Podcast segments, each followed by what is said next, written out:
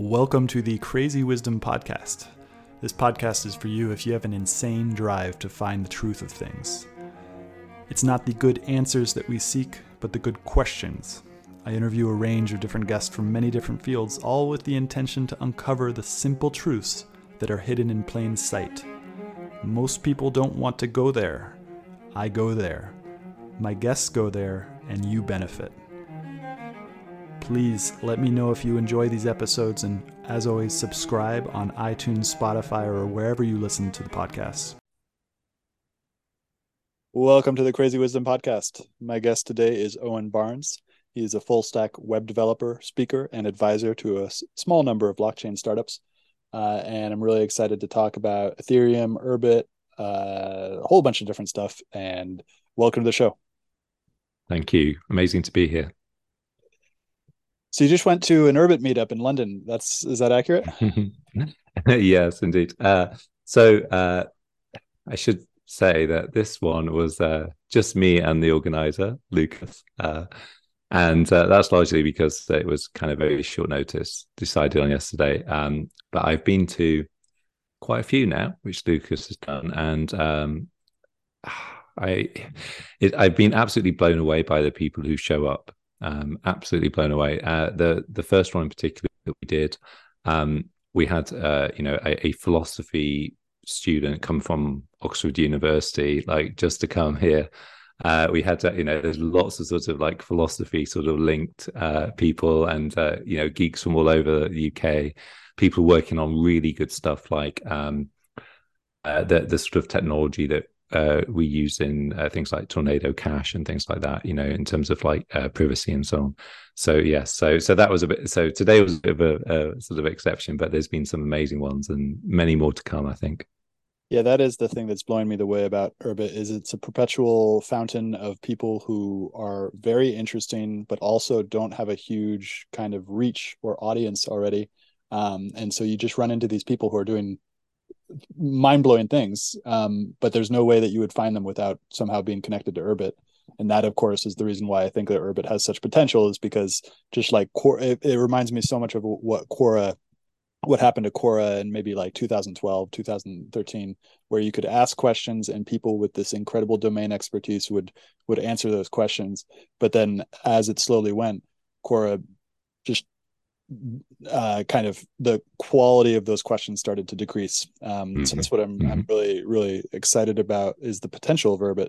But as with all things with the potential, sometimes those the potential doesn't actually um, materialize. Uh, and uh, and so I think Urbit is still in that stage where it's like where it could be something really really really great, uh, but then it could not be as well, and all of us could be deluded. I of course don't think that I'm deluded. Uh, rarely do people do. Um, so, hmm. yeah, I, I, see it as a filter at the moment. Um, I I suppose I've sort of spent a long time like looking at what is the next big thing. Like that's always been my fascination through through life. And um, like a long, long, long time ago now, I, I was uh, programming in PHP, which looks like a sort of like old fashioned childish language that you know we all sort of make it fun of. But at the time, um, the only thing that was sort of next to it was Perl script, and I remember that uh, PHP came out, and uh, I was on the forums. This is back when I was like, you know, 16 or something like this. And uh, I was on the forums, and everybody was trashing PHP, say, "Oh, it'll never scale, it'll never work," you know, things like that.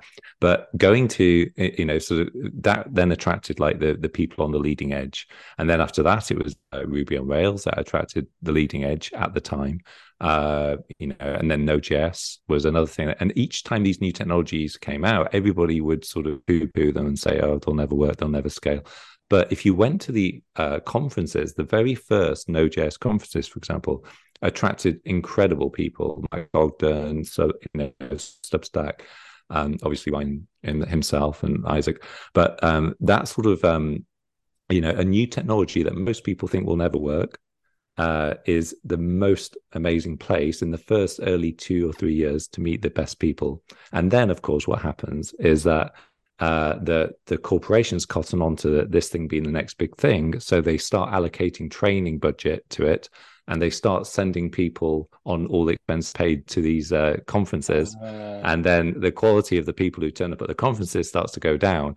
So that will actually happen to urbit one day as daft as it sounds at the moment but we will start getting like ibm sponsored people coming to urbit conferences uh, you know, just in the same way they're now coming to crypto conferences like Ethereum. So we've got another two or three years of really great meetups, and then it's all downhill from there. yeah, exactly. But but the thing that I've noticed about Urbit in, in potentially changing that, I think what you said about the conferences is absolutely going to happen. Um, but in terms of like Quora, I don't really use Quora that much, and Facebook mm-hmm. is another example of of that type of thing. Uh, you know, Facebook has totally lost a lot of its value, whereas Urbit can survive after that point because it's a whole OS. So if it actually does get that scale, something may pop up within Urbit itself that then draws that same type of people rather than yes, like something like sure.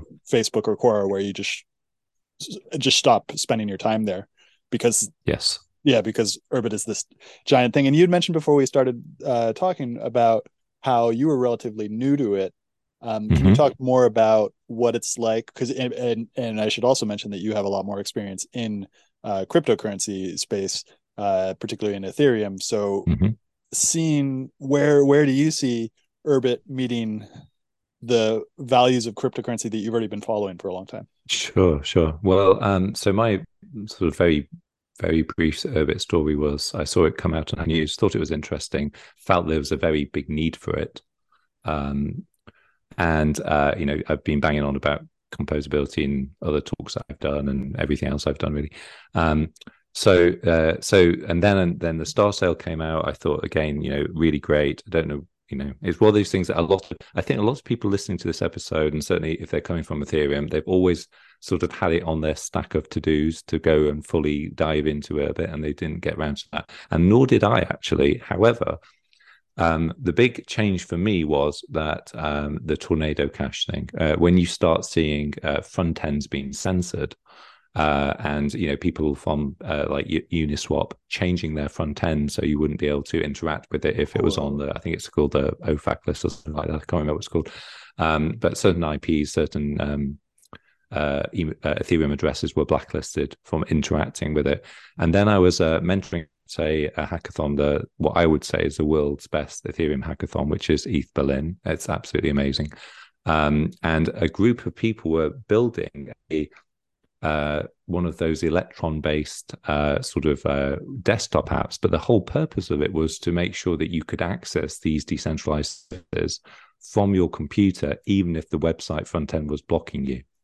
And if you start connecting the dots what you realize is that it's not enough simply to just go on the website and run some arbitrary code on someone else's computer. You actually need to run that code on your own computer. So that was my sort of like real sort of wake up call for how important this is. Um, and then I, I, went to the the, the DevCon um, sort of annual uh, big uh, conference, which is uh, Ethereum does every year, which is absolutely amazing. It always is, and this last year was particularly amazing. That was in Bogota, Colombia and um, and I thankfully went to the Urbit meetup, and honestly, uh, it was the best thing that happened to me that entire week. Uh, I, I, met Ted. We got talking for hours.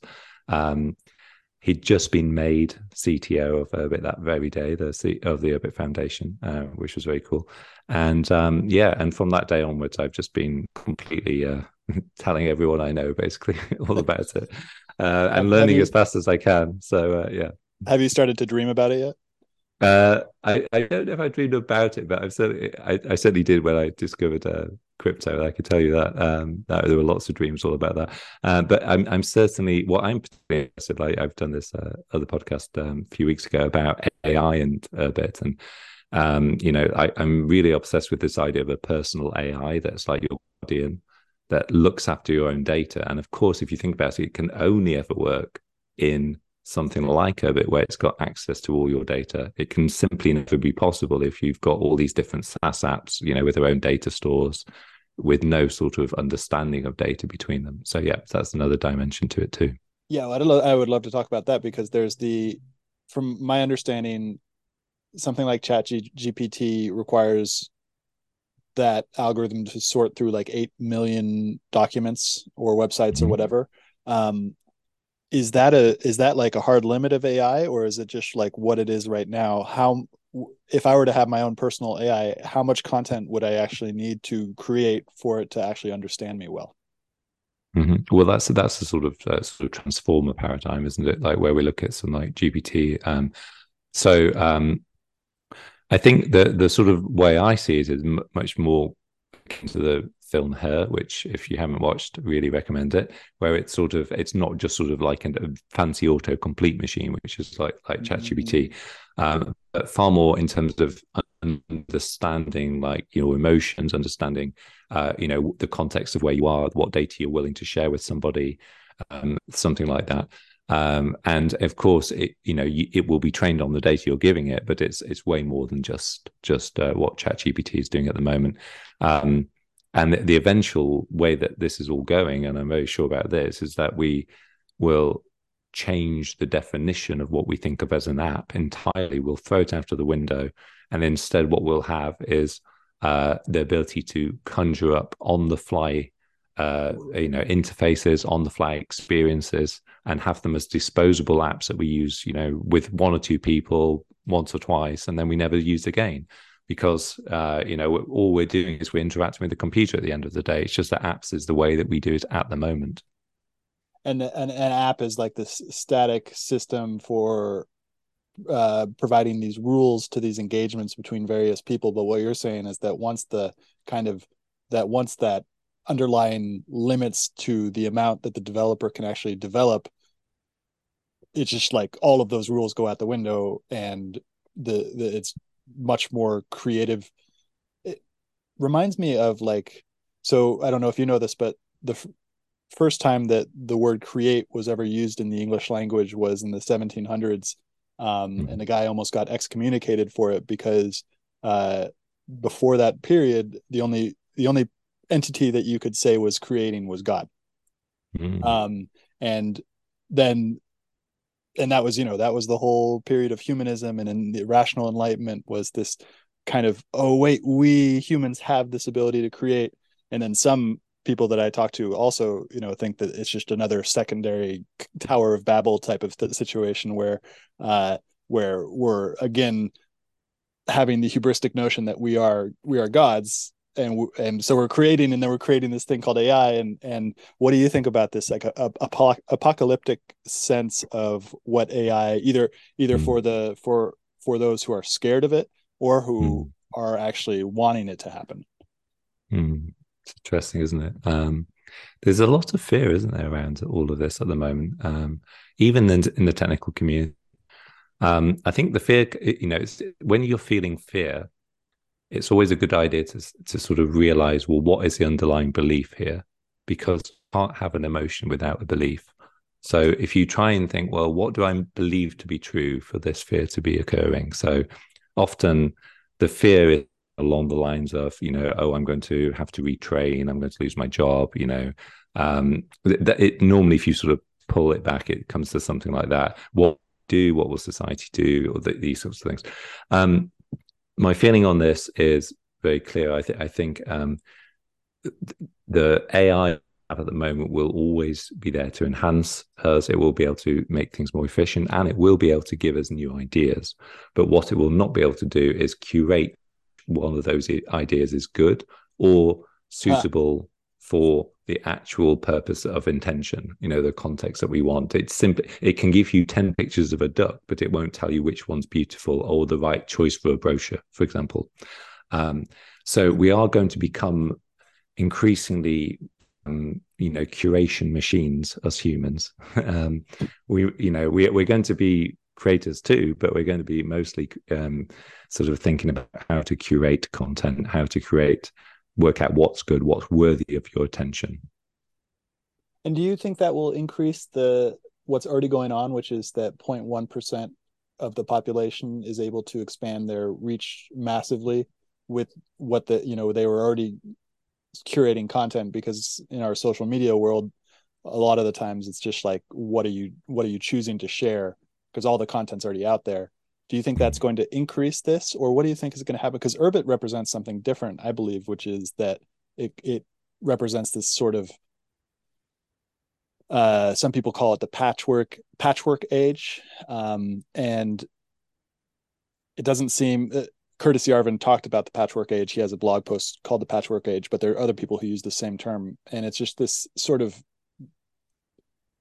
uh, just flattening out of the tribes. So it used to, you know, in, in the United States in the West, we kind of have, you know, two poles of, of political understanding and you gravitate towards one to the other and, and they both kind of hit, hit off of each other.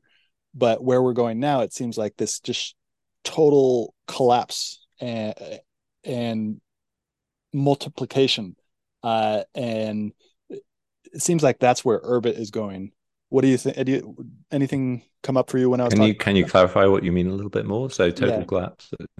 Well, and so, and I think a lot about the Dark Ages. I, you know, the mm-hmm. last episode with Sam Frank, we talked a lot about that as well. Uh, mm-hmm. And only up until recently have I realized that the era that we're entering, we seem to be entering right now, is not necessarily a Dark Age, but it is very different. And there's a sort of like it feels like we're going to splinter off into lots and lots of different opportunities um, mm-hmm. and those those opportunities might be pretty siloed uh, from each other so that unless you're actively going through trying to find all these different communities mm. it, it, will be very difficult to do so um, and that, that seems reflected already within urbit because urbit you have to like there is no good search function um, mm-hmm. um, and so like you, you, kind of have to have this word of mouth and then how do you meet those people that are doing the word yeah. of mouth right now you go to the conferences as we've been discussing um, mm. but it feels it feels like that's where we're headed where it's just like it's going like and particularly given what you just said about ai it was that there's just going to be the social hierarchies that we have that have existed along with the western rationalism are about to change significantly um, mm-hmm. and I'm it's still not quite clear, which is probably coming through in in the way that I'm delivering this. Uh, is that it's still a pretty hazy idea for me, but but what do you think? Um, well, I one thing that sort of fascinates me constantly is how you can sort of be in anywhere in a particular city, for example, and there can be sort of multiple things going on at the same time. So, for example, you could be in a room uh, in you know in New York, for example, where you know, it's private members club or something. It's got its own community, right? You're going downstairs and there's a dance studio full of dancers. You're turning on your phone and you're going onto a dating app. But now there's like a sub community like of people there. Then you go to Twitter and you're you're like either following like the crypto Twitter, uh, you know, or some other type of Twitter uh, and you know these communities they never sort of overlap or even discover themselves. They, they're living completely in sort of parallel universes at the same time. So I think that was going to that is going to continue. I mean, it's already here right now, and it is going to continue. Um, but can can we try and like figure out what the fear is behind this? What's the mm. actual fear? Hmm. And are you asking what's the fear in terms of the in terms of this change in ages? Mm. Like what what what are you worried about will happen in the dark age? Oh, interesting. Um, so dark ages usually tend to happen after golden ages uh, and for me mm-hmm. growing up in california it felt like a golden age in the 90s um, and so like it, it can't keep on it, it felt like it feels like it can't keep on going the way it's going. And also the fact that i've been told my whole life that we're headed for a sort of apocalyptic moment where climate change and all these different things are happening. Uh, so it's kind of a, a, deep fear that but now i've gotten most most of it over most of it which is just like that uh, the world as we know it's coming to an end that we're not going to have enough resources to to sustain the kind of way that we've been living. Um, that was the fear but but now now it feels like this this this train of thought that i'm on the, the, this attraction to understanding whether we're in a dark age or or, or what i like to call recently is a dork ages uh, mm-hmm. is that is that it's like that we're, it feels like that we're that we're entering a new cycle of history, and that what's coming up is going to be significantly different than what came before. Uh, so there's not as much fear surrounding this uh, this transition because I think we've actually already got, undergone most of the challenging parts of it. Um, hmm. But but just like what now, yeah, now it's more of a puzzle of like hmm. what is, what's going to happen. What's like where is yeah. this whole thing headed? Um, yeah, it's interesting, isn't it? Because you know the other thing interestingly about fear is that we always know what resources we have today, don't we? So what we do is we, we look at this problem that's coming down the, the the the path sort of thing, coming down the line, and and we then transport ourselves into that sort of fictional world where that now problem has realized, it's uh, manifested. But we also bring with us resources we have today. What we don't bring with us is all the resources that may actually be there in the future to combat the problem. Mm. So because we don't know what they are yet. So one of the issues there is that uh, you know it would have been impossible in March uh, 2020, sorry 2022, to envisage something like DALL-E because it came out I think in April, I think something like that. So um, let's just say you'd been given the task of graphic design. You know, you were living in a state of fear because you've got all these these these uh, deadlines to do, right? Um, but only two days later, for example, DALL-E comes out and able to do the entire thing that you thought would have taken a whole year you know in a in a week or so. You know that that's a nice example you know and same with crypto making payments across you know you know russia and other countries and things like that. So so we we always we always think we'll have the same resources in the future when this big sort of catastrophe arrives. But what we never plan for is the fact that we will actually have more resources unknown resources that come out of nowhere. So um so that's another interesting thing um, so I, I, really don't think we're heading into a, a, dark age at all. I think you know uh, we, as sort of let's say elder thinkers around the technology space, um, have a huge amount to contribute. And it's through these ideas, it's through these inventions and technologies that we will indeed make sure that we do offer better alternatives than the ones that exist at the moment. Mm. And I think Urbit is a really good example of that because we are at some point as a society just going to get sick and tired of having our data scattered across multiple different machines, multiple different, you know, cloud computing environments, uh, you know, that that just sort of come and go as a one. You know, the worst thing I think uh, is that when you you find a really nice indie app that you like, you you know, you follow the developer on Twitter, uh, you know, you start putting all your into it, and then one day, six months down the line, you get an email saying, "Hey, it's our pleasure to announce that we've now just sold to." You know, whoever it is, and now all your data you've been putting in this now belongs to Microsoft or something like this. And how many times has this happened to us? So we're going to all eventually get sick of this and we're all going to be looking for alternatives. And when that day arrives, I think, you know, there will be such hunger for something like Urbit, something like, you know, proper decentralized computing, because really what Urbit is doing is like completing the circle. You get certain amounts of decentralized services through Ethereum, but you're having to go through third-party providers, uh, you know, such as uh, MetaMask and uh, Infura and Alchemy and so on. So, um, so real, true centralized, de- decentralized computing, like completing the circle, doing the whole thing you can, owning the code, um, and as well as the data. That is, I've got a lot of questions based mm. on that. Um, so the from my understanding, a blockchain is a way of establishing a database that is shared, immutable, and that somehow, like maybe even combining a clock with a database, uh, and then and so, but but there are certain limitations to that database that make it not the best form of computing for a lot of different things. Like it seems really good for currency, um, and I'm I'm curious from your experience in Ethereum because for me it feels like Ethereum might be the most vulnerable uh, to something like Urbit coming around because because Ethereum seems to be trying to adapt computing to this new form of database called blockchain, uh, and and then Urbit comes along and actually just redesigns the whole computing paradigm to allow for peer-to-peer networking to be happening.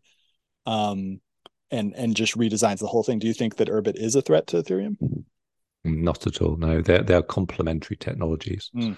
Um, so I'll explain why. Um, so so Ethereum is a sort of like like Bitcoin is is an indestructible nuclear proof uh, you know, immutable database that, and I say nuclear proof because it, even if all the nations who've got nukes blow each other up, you know, it only takes one copy of the the blockchain mm. to mathematically prove that it's the longest chain, and uh, you know, so it's totally indestructible. It cannot cannot disappear, um, and so the question then is, well, why?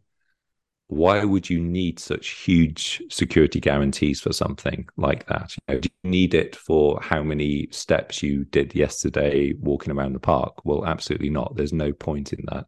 Um, but do you need to know how you know balances in an account? Well, yes, there is a point to that. So when you need that amount of security guarantee, which you then you pay for fairly uh, at price with the gas fee, then you use something like uh, Ethereum or some sort of, some sort of global blockchain. So think of it as global state that needs to be shared between the entire world, can't go away. And because of its decentralized nature, nobody can censor you from posting onto it uh, or reading from it, which is huge. Um, for Urbit, Urbit is um, kind of the opposite. Urbit is where you want to record how many steps you walk in the park. It's how it's when you favorite a group. Mm. You know, you've you found a chat group. You know, you're you, you know you're not chatting about anything particular, but you're messages, you're favoriting some groups, you're uploading some avatars. None of this is like really mission critical to the world. Um, so what you're doing is you're storing that locally, just one computer. Okay. But then when you want to buy an NFT or buy some music or something like that, and it involves more than one party, that's when you go onto a blockchain. And in the case of Urbit specifically, there's this um, sort of bridge from Urbit world to Ethereum world, which is Uqbar. Um, and that is, you know, go into like all what that is actually if you want to, but it's a it's it's basically a bridge. Think of it as a connecting device between uh, the two worlds. Yeah, that's really interesting. I was going to ask you about Uqbar as well because what do you th- do you think that Uqbar is a is a in competition with Ethereum? Uh, no, not at all. So uh, so Uqbar is um, a what's what we call a layer two. Okay, mm. so a layer two sort of sits on top of the Ethereum, which main chain, which is layer one. Um, Uqbar, like every other layer two, and there's so many of them. There's actually a website called Layer Two Beat, which is a good uh, sort of list of all of them. Uh, but all, like all layer they eventually roll up some way or, or other into the layer one Ethereum main chain. So, so like to give you sort of a brief piece of history of like what this is, this whole confusing thing is about. In the early days of Ethereum, when we were sending transactions, uh, the gas fee was so low because there wasn't much competition to send a transaction. There wasn't much bidding, you know, sort of thing. So it cost you a few cents to write something onto the blockchain. It, at the time, it was a novelty. But as the transaction volume grew and grew, um, because there's a set limit of uh, X amount per block. I'll think of the number in a second. Uh, that you're competing in a sort of auction based system every block, every 15 seconds or so to write into that block. And a, way of thinking about it is like an envelope. You've got a, si- a certain size envelope. You can only stuff so many letters into it. And everyone is uh, outbidding each other to stuff something into that envelope. So, so what Ethereum scaling is a podcast and a half. You know, it's like it's a whole thing. But uh, but the solution at the moment, which I generally is not great, as I as I talk uh, about this in a recent talk on my website. Uh, but the the current uh, solution at the moment is what's called layer twos, and the idea with layer two is that you you put all your transactions somewhere else and then at the end of the day it's a bit like excel. You you know when you sort of like sum up a column and you drag that little square all the way to the bottom? Well the the idea is that you'll you'll do that with all these transactions. You will sum up the the changes and the differences without posting everything. Um, and we call that a roll up. Um, so so how it eventually affects the blockchain is is then eventually uh, at some point of delay posted back onto the layer one. So what does this mean for Urbit? It means that there is a path towards saving data on Ethereum via uh, Uqbar, which is this sort of connecting bridge. Uh, then I think, as far as I know, and I could be completely wrong on this, but as far as I know, layer this Uqbar layer two then writes to Starkware, which is a really good um, sort of Israeli uh, start, startup, which is you know very technical, and I've been to several of their conferences, and they turn on Starkware, they roll up onto Ethereum layer one. So it's kind of like you're you're taking a, a hop across across def, different uh, bridges. Um, but the net effect is, if you want to share global state, you have a way of doing that. So, um, and you don't have to use that. It's just that because is written in Hoon, uh, you know, and you can write smart contracts in Hoon, then it's very Urbit friendly. It's designed to integrate well. That's really interesting. Um,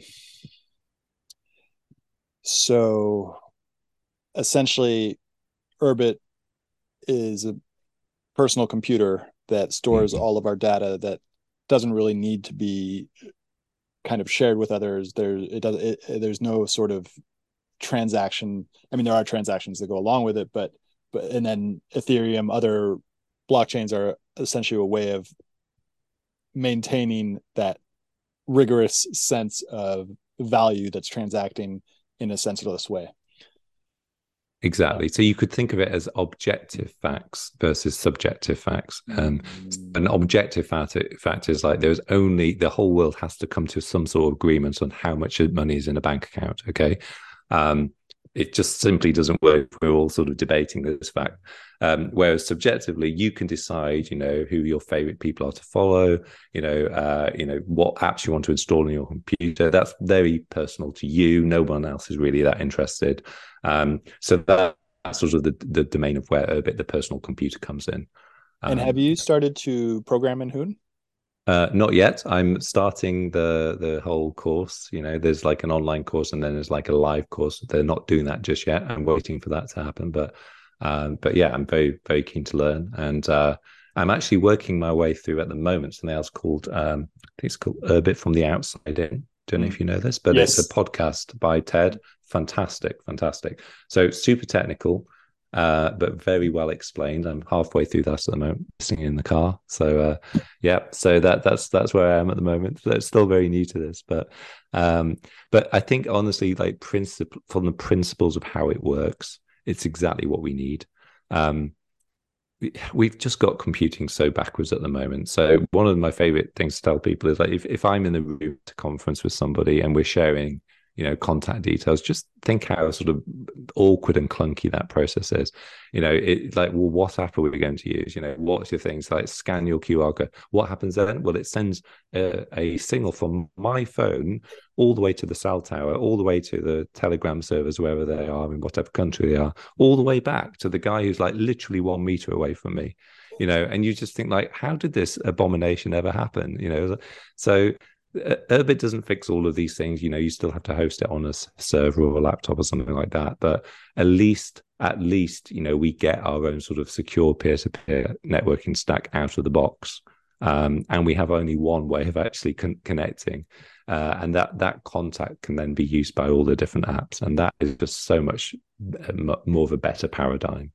I really love what they talk about in terms of Martian thinking versus uh, uh, Earth thinking um, mm. and that particularly the Kelvin, um, the Kelvin, I forget the Kelvin versioning. Yeah, Kelvin versioning, yeah. where they basically say, okay, we're going to give this this many tries to get right, and then we're going to stop it once we get to that zero level. Yeah, um, and and like the the the Martian thinking for that is that essentially like this software can last for thousands of years.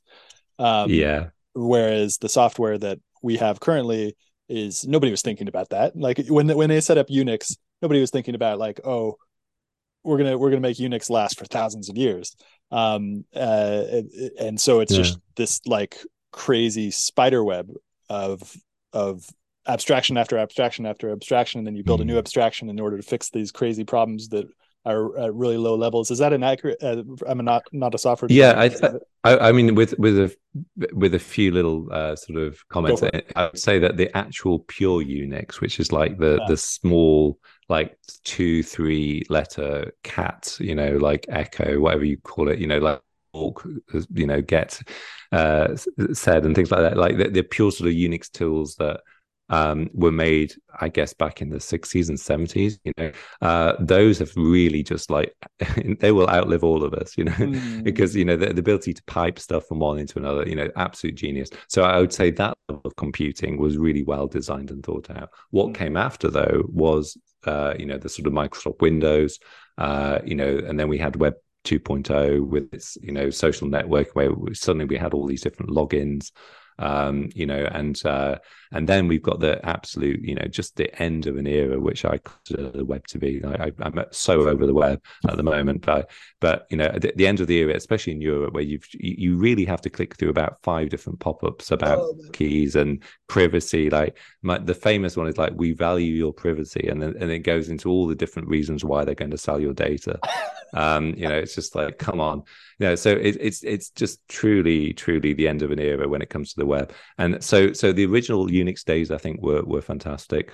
Um, the Kelvin versioning, by the way, I do have a slight problem with it. I I, I love the philosophy behind it. Uh, but you know, I, I would be surprised if we don't see it. You know, uh, it, it, going down to like 0.01 or something. Like, who's going to call the zero on it? Is my question. Uh, you know, because uh, but I do like the philosophy. That the philosophy really is you know built for the long term you know make something small make it do that job very well. It is basically the unix philosophy the original unix mm. philosophy. Have you started to uh, get into the history of computing at all? Uh, for me urbit has been so um, revolutionary for my understanding of what a computer is that it's mm. making me think about like well what is a computer? Um, yes. and so i just read this book cryptonomicon by Neal Stephenson and um, he explains what a computer is in a really really beautiful way a fiction way. Uh, and i love the fact that it was written in 1999 and he uses the word crypto. And also mm. he was that he was proposing a new cryptocurrency uh, in 1999 it was true visionary. But the whole computer started with you know alan turing who was trying to break enigma which was the german you know code and it and mm-hmm. and it's just like the idea that you can build a machine that is able to be reprogrammable uh it was just so revolutionary but for me growing up in the 90s that wasn't revolutionary because it was just like the air that i bre- breathed in order to play mm-hmm. computer games um mm-hmm. and now it's like this this this this thing have what what what what is your take on the history of computing um so i'm fascinated with all of this um so th- there's quite a lot of things that have come out. Uh, so uh, I may get some of this wrong, but th- there's one called the mother of all demos, which if you haven't seen, like immediately go and watch that video. Um, that uh, if I remember, my brain's not great for memories, but if if I remember um, this was really the uh, the Xerox PARC demonstration. I think I hope I'm not com- conflating two different um, things here, but Xerox PARC demonstration of like the mouse, the cursor, you know, the networking stack, the famous mm-hmm. demonstration that uh, Steve Jobs uh, allegedly went to see and then sort of kind of stole all the ideas from. That's uh, that's how some people think. Um, there's also the the project uh, Xanadu uh, presentation, which is um, all about sort of visualizing data in a different way, um, instead of on a 2D plane, but on a three dimensional plane, which you really sort of think about where the metaverse is going. You know, my take on the metaverse, by the way, is that it's, it's something that will take 10 years to turning in into anything like amazing, but it will turn into something good one day. Uh, it's not something to give up on. It's just, it's a long, it's a long uh. thing. Um, uh, so, so you will get three dimensional access to data with, with um, things like headsets and so on. Um, and then my favorite uh, sort of thinker in computing is called Bret Victor. And uh, he is absolutely fantastic. He's had an amazing website for a long time now. Let me see if I can find it. Uh, and he, yeah, future programming. So his website is called Worry Dream and uh, you, can just sort of play with this for ages and ages. He's created so many things. I think he used to work at Apple or something, but that was a long, long time ago. He's just such an amazing thinker when it comes to, uh, uh you know, thinking about new interfaces, new ways to do mathematical things, and so on.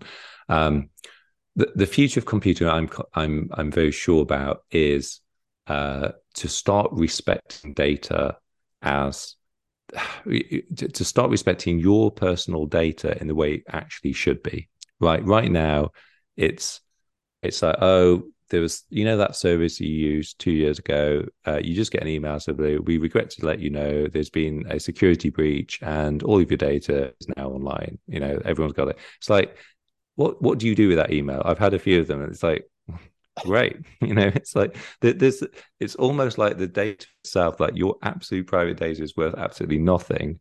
Uh, you can't sue these companies because you already signed away your right to do that when you agree to the terms and conditions that you never read um, there's sort of no respect for your data and um, and that's because it's scattered all over the place it's living in so many different uh, you know uh, cloud environments under the interests different interests of the different companies and startups that sort of uh, have their mitts all over it um, so we're, we're going to have to start getting data. And the reason why I'm so interested in the personal AI is because this AI will actually understand your data and be the gatekeeper of whether that data leaves your device or not. So think about it in terms of Urbit. It's like real privacy is to say, hey, do you know what? We're not going to let you access this data because it's you, but a, but a close friend or a spouse or somebody like that will be able to have access to it. And the AI will be intelligent enough to know uh, who's who and uh, you know and and and act accordingly so what i think we want is somebody who's got our backs like we want a, an ai that's actually got our back and saying look you know we respect the things that you respect and you value um and uh a lot of work a lot of time in the future has to go into making sure that we don't just end up dumping all of that online in the sort of plain text file so feeling free to go as technically as you want what the that AI that you're talking about, what is the mm-hmm. difference between ChatGPT and that? So, from my understanding with ChatGPT, I, I can talk a lot more about crypto than AI, uh, but it is a, what's called a, a, sort of transformer based idea, and um, and, and what it uh, so, so the, the idea with transformers is basically like one very massive autocomplete engine. So it was originally designed to help uh, translate languages because languages are interesting in that you, you, know you don't want to do a word for word translation um, between French and English because often you'll get to the end of a sentence and actually you should either join the sentence with the previous sentence or say it in an entirely different way. You know, like change the verb structure and things like that. So ChatGPT sort of was born from this sort of desire to make a better translation engine. And indeed, if you ever do ask it to translate something from one language to another, it's absolutely incredible. Um, so, so, so that's one aspect of it. Um, there is also the sort of image generation aspects of it, which we're seeing OpenAI do. Um, I'm a huge Stability AI fan. Stability AI are a London-based company that released Stable Diffusion, um, I'm a massive fan of them, and I watch everything I can from them. They do amazing keys. Nobody watches them. Like, like, last time I looked, there's like 500 views on it, but you know, to me, they're they're just as good as the Steve Jobs keynotes I used to watch as a, as a kid. You know, and it what I love about Stability AI is that they they've got this real commitment to open source everything they do. Um, so uh, so so between them and, and the different models that will come along, we will eventually be able to join these all together to a point where we're generating ideas, we're generating eventually apps. It's a big passion of mine is to generate apps instead of coding them. Um, and uh, we'll be able to make interfaces on the fly and we'll be able to understand contextually the data and decide what comes out of our machine and what doesn't. There's a great um, philosopher or I don't know spiritual leader. His name is David Hawkins. Um, mm. And have you heard of him? Or I have heard of him. Yes. Yeah. So David Hawkins talks a lot about uh, the difference between content and context. And content mm. is anything that is perceivable. Uh, and so, you know, I'm seeing the room around my eyes. That's perceivable. That's content. But mm. I, who I consider myself to be, is also content. Uh, because anything that I can put in front of the the the, the witness is able to be witnessed and therefore perceived. Uh, but there's always these layers, and the human brain might not be the best um, tool to actually get to these layers because they're the context. And there's sort of like an infinite context, which most people would call God um, or the universe or whatever. Mm-hmm. Uh, and so and I love that AI also talks a lot about context as well because the you know the fundamental question that a lot of these figures of computing that we've been discussing, where the fundamental desire for them is that to have the computer figure out the context for us so that you don't even need to tell the computer what to do. It already knows what it wants to do. Um, I don't really have a question on that, but what do you think?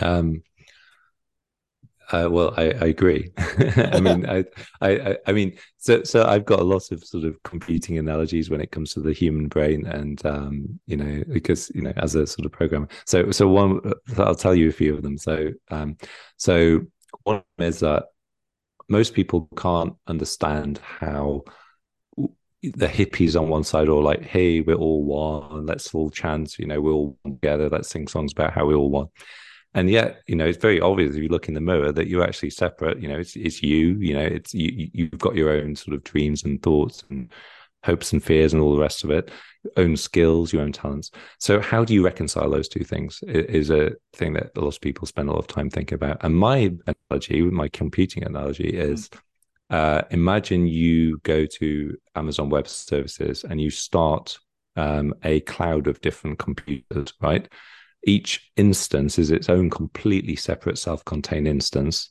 There's actually no, no direct connection between each one. Uh, you can use TCP/IP to do that, uh, but you're still running in one big container. You know, you're still part of something bigger, and that's the way I see see us. I, I think we are all separate think we're all unique. We've all got our different qualities and skills. We have the ability to communicate through language um, and uh, you know some thoughts. But perhaps uh, other races in the universe can do so telepathically. I think that's probably likely. Um, but uh, but I do think that we're also collectively part of this whole. We're part of this giant big container. Um, so that's my first analogy, and my other analogy that I always like to use is um, when people have any sort of negative beliefs that are blocking them on things. To me, I always think it's a bit like when you go into your computer and you bring up the task manager and you see that there's something, some unknown process lurking in the background. It's eating up like 2% uh, but you don't really know why it's there, and where it came from, and it turns out it actually came from probably your parents or something somebody said a long time ago. Uh, but you know, if you can go in and just press end task, uh, you know, you, you end up, you know, it's like, oh, you know, I can, I feel totally differently about this subject now. You know, maybe I can do this thing after all. So yeah.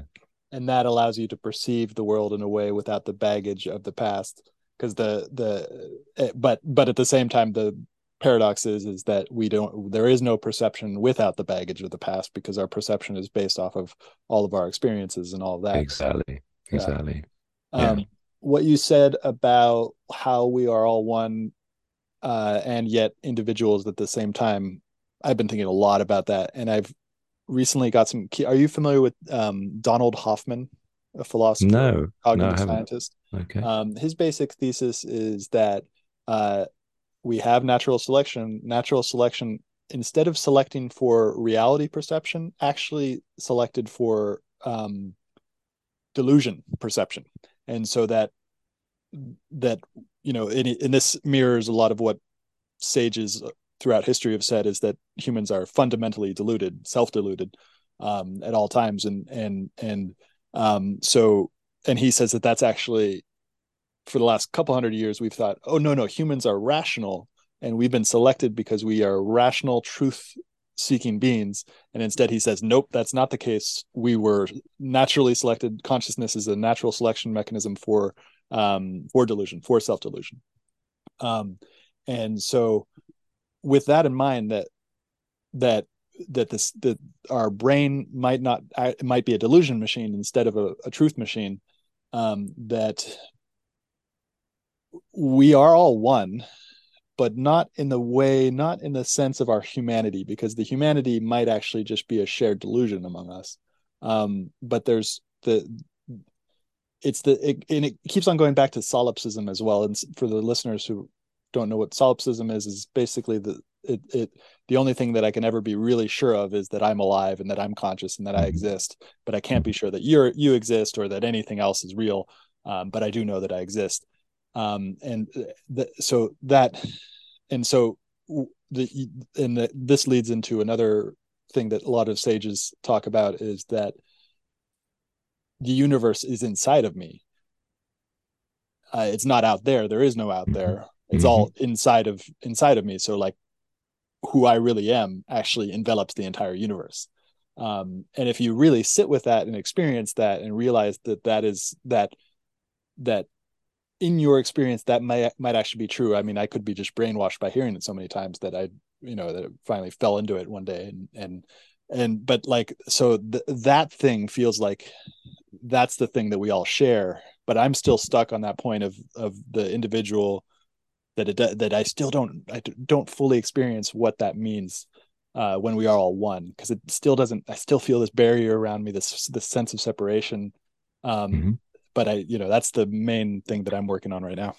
Another analogy i really like is um a ice cube. Imagine a giant giant ice cube and it's it's shattered into infinite pieces infinite shards of ice all different separate shapes all different unique uh, configurations uh, but eventually it all sort of turns into water again uh, you know. So so again it's sort of like it, you know it, that that's the way i see it and uh, mm. um you know and also like there, there's a huge benefit to being separate I, I think you know that there's like would we this is i think what always frustrates me about the word diversity especially how it's used today where it's much more of a box ticking exercise where it's like oh you know we've got we've got this commercial and we need to have like one black person and one blah blah blah things like that and and you think like you know okay but the real diversity, I think, is it comes in terms of the diversity of, of thought and belief systems and and values um, to some extent.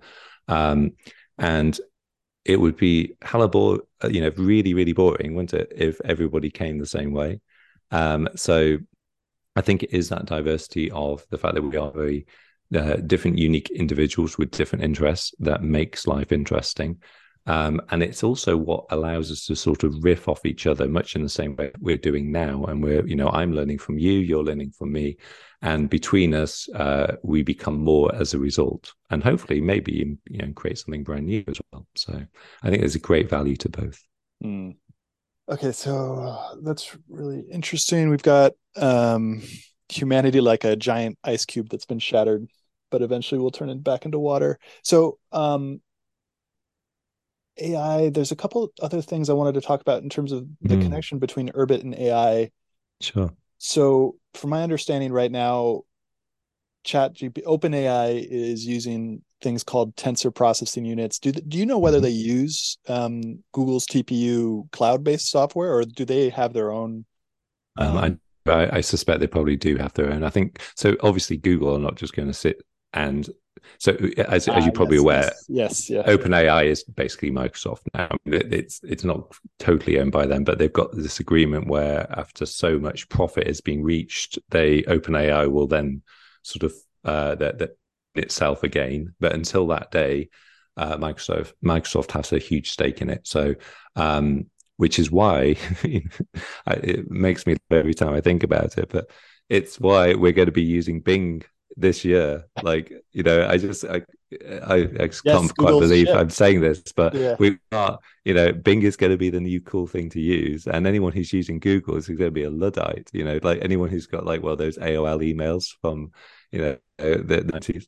Uh, so so yeah, we're all going to be on Bing soon. Um, and uh, but of course, you know, Google is not going to stand idly by. They've got their own uh, you know transform models. Uh, there's a new one that's coming out very soon actually. I was just looking at this. So anyone who wants to keep up to date on all this ai stuff there's a fantastic newsletter called Ben's Bites. I don't know how how we can find this uh, online but hopefully we can put a link to it somewhere. How do you spell and uh, so just the word ben and then the word bites um, uh, so b-i-t-e-s and it's all about um, AI, and it's like a, a really sort of good summary of all the latest developments.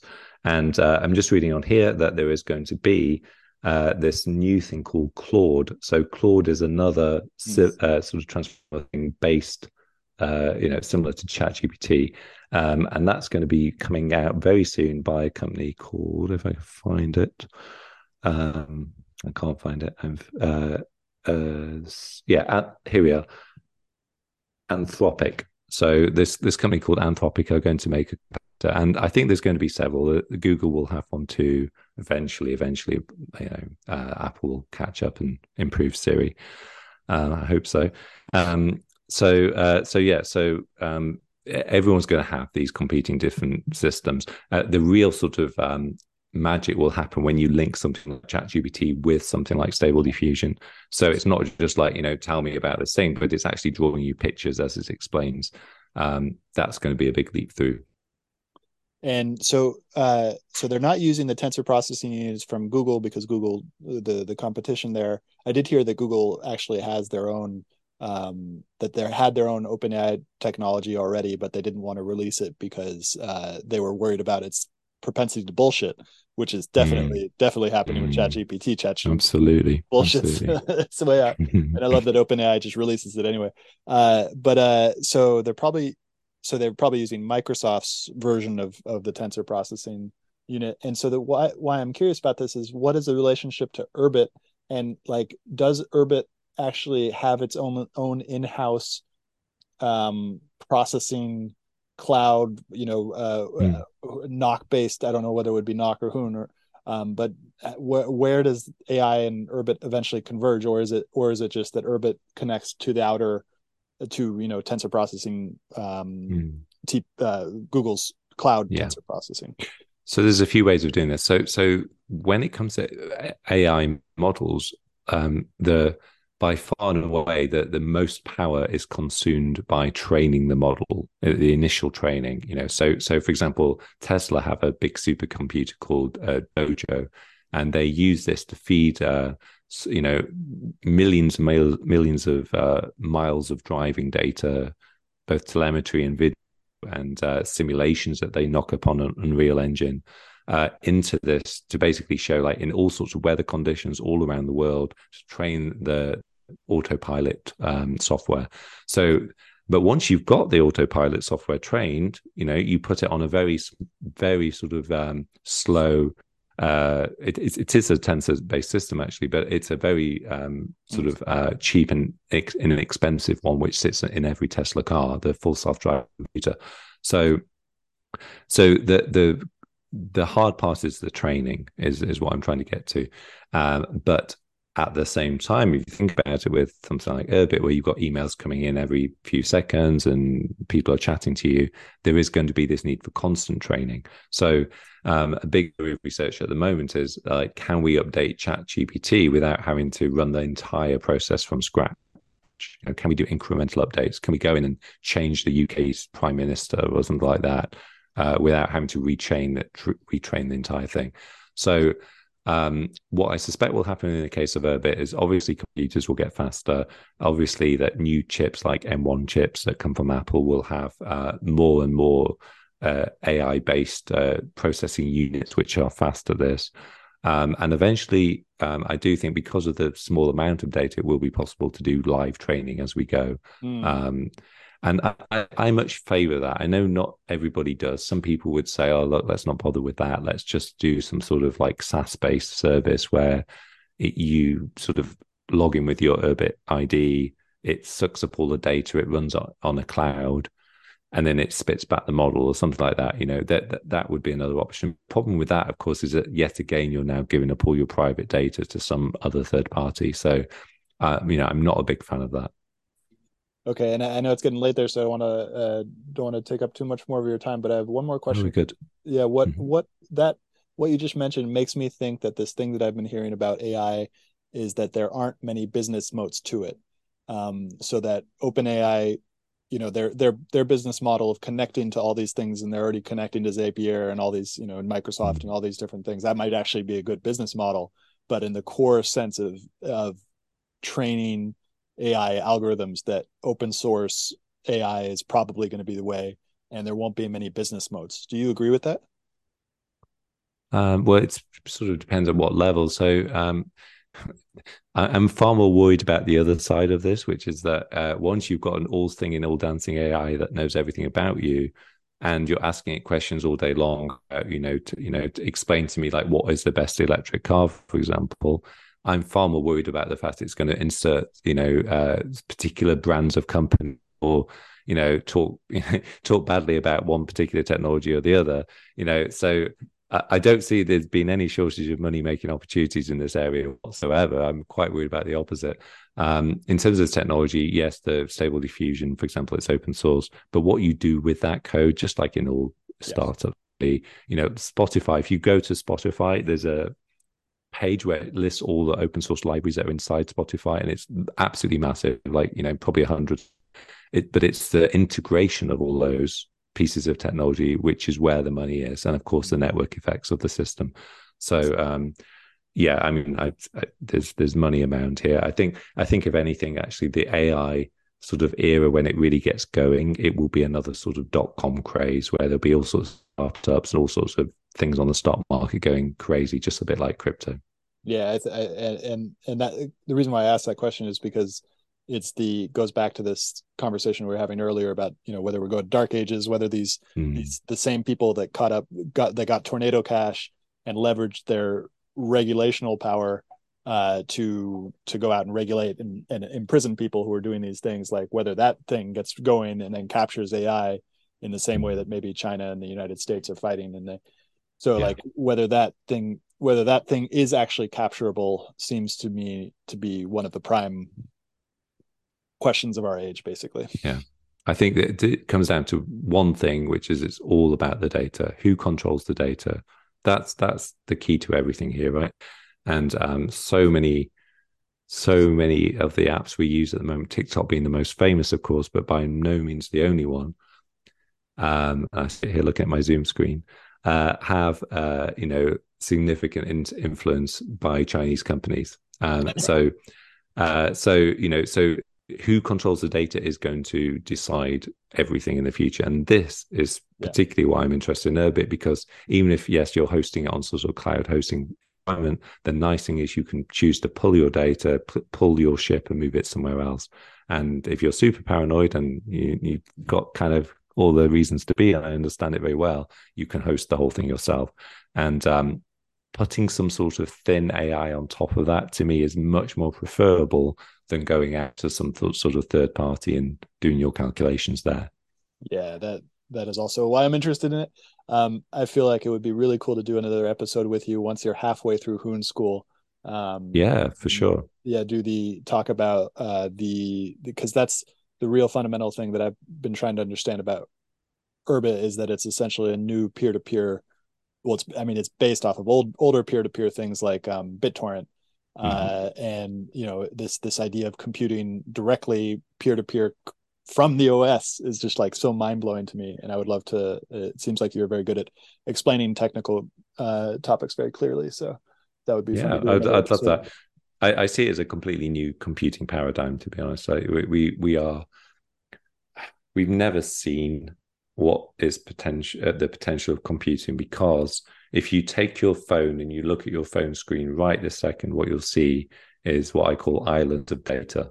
You know, your Twitter app does not talk to your Uber app, it, mm. and uh, you know it, everything lives on its own little island at the moment. And we've never seen computing uh, join all these little islands together, and we've never seen what's possible when you do that. And this is the most exciting part of it to me. It's the composability and uh, the interoperability of data and the apps that sit on top of it. And we're going to end up with amazing new experiences that you simply cannot get on the old sort of, uh, you know, end of life web, as I call it. So, um, so, so yeah, and that's the exciting part to me. Yeah, and you seem to have this your own personal paradigm, which I find very um, uh, uh, inspiring. Is that it seems like when we were talking about the question of fear we never actually project we project the same limited amount of resources that we have right now into the future and say that's that'll be mm-hmm. the same situation and you're talking about tornado cash and and all the all these different things and it's like the thing that I, I have been spent so much of my time for the past couple of years thinking about um, is just like these forces of centralization which are very very strong um, but also recognize that it seems like their time is coming to an end. Um, uh, those forces, you, are just like, oh no, I don't even I don't even worry about them because some point in the future we're going to have a lot of resources that will essentially absolutely make it a mute question. Yeah, and and absolutely, you know, first of all, what you focus on becomes more. That's the law of the universe. So you know, why would you focus on something negative? And secondly, um, anytime you see a centralized power scrambling around and trying to make everyone be scared, it's always coming from a place of insecurity, and it signals to me that they're actually worried about their own existence. And you only need to do something like go to east Berlin or go to you know one of the very very cool super highly technical crypto conferences out there uh, devcon being the best i'd say. And you'll see so much hope on the horizon that you simply cannot dismiss that you know. Th- this this is happening one way or the other and it, it will never happen as quickly as we think it will because nothing ever does but uh, it will happen. And and honestly i honestly believe so will urbit and the the rise of personal computing it's cool because it goes back to the 1970s 1980s um, uh, which was this first kind of like that where that first idea that centralization was no longer the law of the universe but it was just like a temporary phenomenon and that computing was about to break that apart. And it did break it apart but then the forces of centralization came back and said nope. Um, and uh, but now it's all happening again. So yeah. Yeah and we've also got to be allowing of people who have so much going on in their life that they want to use something like Robinhood or something rather than having their own MetaMask and Ledger wallet or you know, you know, it, it's it takes a lot of sort of grace and maturity to be okay with that because you know you know all of us who know about things like owning your own data and owning your own Bitcoin things like that you know once you sort of know that you you want to sort of spread the gospel and tell everyone to do the same right? But uh, we we've had the luxury of time and uh, resources to be able to go and study all of this and maybe learn the hard way and lose some money and things like that. Um, not everybody has that, and sometimes they are craving, you know, what we would call the easy and wrong way out. But nevertheless, for them, it's a centralized solution. You know, they don't want to run their own email server; they want Google to look after it. Um, you know, and uh, so so we it's it's been sort of compassionate to these people as well. Um, thank you so much for coming on the show. How can people find out more about your work? Um, it's been a pleasure. Thank you. Uh, so there's my website. That's owenbarnes.com. Uh, there's talks and uh, podcasts, including soon to be this one up there. Um, and uh, yeah, there's that's honestly the best place. There's loads to loads to see there. And then also um, another good, really way of getting hold of me is on Urbit. So that's um, Lockrut, uh, Lockrut Von Meck. And I guess if you put that in the show notes, that'd be great. Uh, but yeah, I was just talking to Lucas at the Urbit meetup that the best quality of Urbit right now is its spam filtering capabilities. Like if you get a message there, you pay attention. So yeah, that's a really good way. Yeah, and the Sybil protection, it's apparently that's what um, Elon Musk is trying, trying to do with Twitter now is that you mm-hmm, charge ten dollars mm-hmm. a month, and then all of a sudden, yeah, it's not the right way of doing it, but that's a whole new conversation. yeah, which I'm sure we'll have again. Thank you yeah, so much. For sure. Been a pleasure. Thank you so much. Bye. Okay.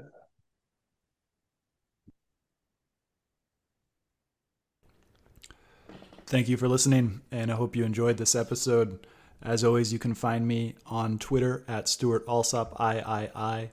Also, don't forget to subscribe on Spotify or iTunes for every weekly episode that I publish on Monday mornings. Hope you have a great day.